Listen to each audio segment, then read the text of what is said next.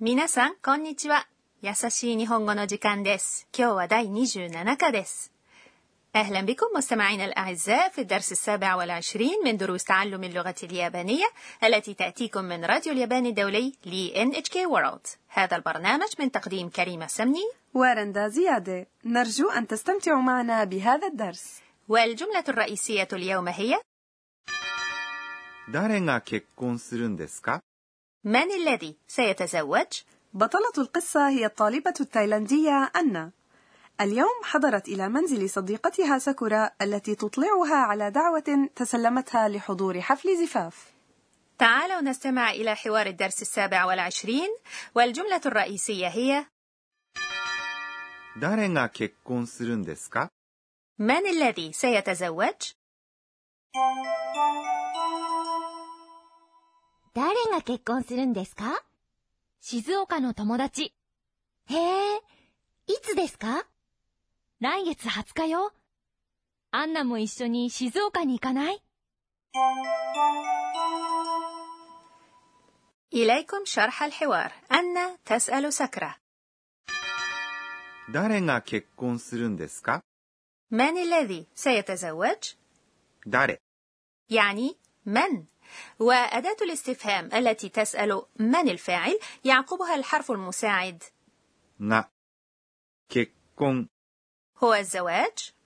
する هي صيغة المعجم من الفعل します أي يفعل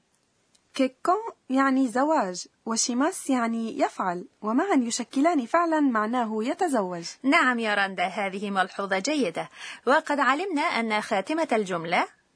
んです تستخدم عند شرح أسباب أو أحوال كما علمنا أن الحرف المساعد か في آخر الجملة يحول الجملة إلى سؤال وبالتالي んですか يستخدم عند طلب الشرح والتوضيح رأت أن الدعوة لحضور حفل الزفاف وطلبت من ساكورا شرحا عن من الذي سيتزوج بالضبط وتذكروا أن الفعل الذي يسبق مدس يجب أن يكون في إحدى الصيغ البسيطة الصيغة البسيطة هي صيغة الفعل التي لا تنتهي بمس أليس كذلك؟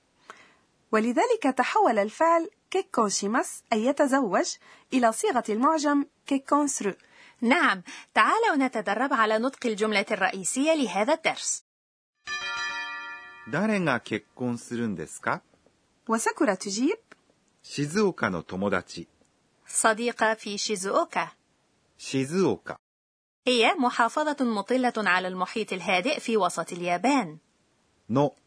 هو الحرف المساعد الذي يربط بين اسمين 友達 يعني صديق أو صديقة إذا فإن ساكورا لها أصدقاء في شيزوكا ساكورا من مواليد مدينة شيزوكا بمحافظة شيزوكا وقد انتقلت إلى طوكيو عندما كانت في المدرسة الثانوية بسبب انتقال موقع عمل والدها وستتزوج إحدى صديقاتها في شيزوكا قريبا ورد فعل أن كان هكذا へえ آه إنه أسلوب دارج لإبداء الفهم أو الاهتمام بما قيل いつですか متى いつ هي أداة الاستفهام متى وجاءت في صورة سؤال إذ أضيف إليها です الذي يختم الجملة في الكلام المهذب مضافا إليه الحرف المساعد ك الذي يحول الجملة إلى سؤال いつですか هي جملة تستخدم بكثرة بمعنى متى وساكورا تجيب 来月20日よ في العشرين من الشهر القادم 来月 يعني الشهر القادم الشهر الحالي يعني 今月 والشهر الماضي يعني 先月 ثم قالت 20日 أي اليوم العشرون ولكن أليس العدد عشرون هو نيجو؟ هناك حالات في اليابانية تتغير فيها طريقة لفظ العدد عند ذكر الأيام عشرون يوما يعني 20日 احفظوه كما هو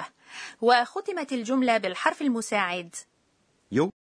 الذي يضاف في آخر الجملة عند توصيل معلومة لا يعرفها المخاطب アンナも一緒に静岡に行かない لما لا تذهبين معي يا أن アンナ هي أن も هو حرف مساعد يعني أيضا 一緒 يعني معا に هو الحرف المساعد الذي يدل على الوسيلة 静岡 هي شيزوكا に هو حرف مساعد يدل هنا على المكان 行かない هو الأسلوب الدارج من الفعل 行きません أي لا يذهب أي أنها صيغة ناي من الفعل إيكيماس أي يذهب بالضبط برفع نبرة الصوت في نهاية صيغة ناي من الفعل تتحول الجملة إلى أسلوب الدعوة أما للدعوة بطريقة مهذبة فقولوا 行きませんか لما لا نذهب معا؟ والآن تعالوا نستمع إلى حوار الدرس السابع والعشرين مرة أخرى والجملة الرئيسية هي 誰が結婚するんですか من الذي سيتزوج؟ 誰が結婚するんですか静岡の友達。へえ、いつですか来月20日よ。アンナも一緒に静岡に行かない الفقرة التالية هي شرح الأستاذة وفيها تشرح لنا الأستاذة أكاني توكوناغا المشرفة على البرنامج أهم نقاط الدرس اليوم أريد أن أحفظ طريقة ذكر أيام الشهر إذا لنسأل الأستاذة 私が教えましょう تقول الأستاذة توكوناغا اليوم الأول من الشهر يقال باليابانية 1日 المعنى الأصلي للكلمة هو يوم طلوع القمر ويقصد به أول أيام الشهر إليكم طريقة ذكر أيام الشهر من اليوم الثاني إلى العاشر الثاني 2日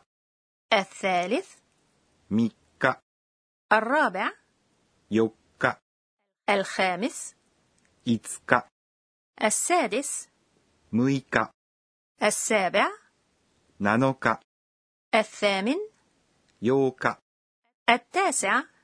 9日 والعاشر 10日 هل لاحظتم أن هذه الأسماء مشابهة لطريقة عد الأشياء التي درسناها في الدرس السابع والمنحدرة من أسماء الأعداد القديمة؟ من اليوم الحادي عشر فما فوق الأساس هو إضافة اللفظ 日 أي يوم إلى العدد الحادي عشر يعني 11日 ولكن اليوم الرابع عشر يقال هكذا 14日 واليوم العشرون 20日 والرابع والعشرون 24日 كنا مع شرح الأستاذة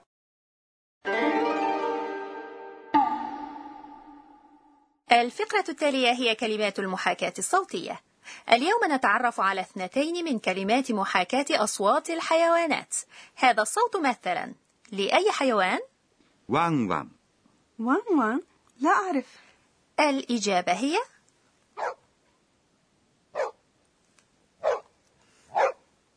نباح الكلب وماذا عن هذا؟ にゃーにゃー إنه مواء القط إجابة صحيحة.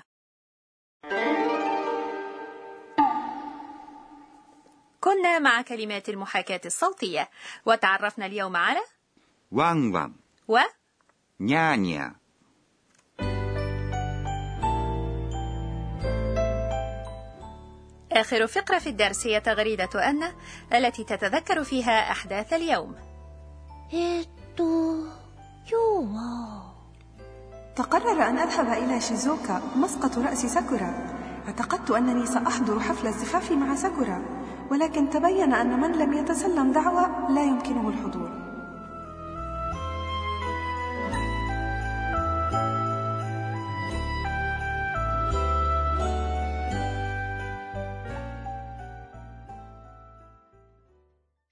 بهذا وصلنا إلى نهاية الدرس السابع والعشرين وكانت الجملة الرئيسية فيه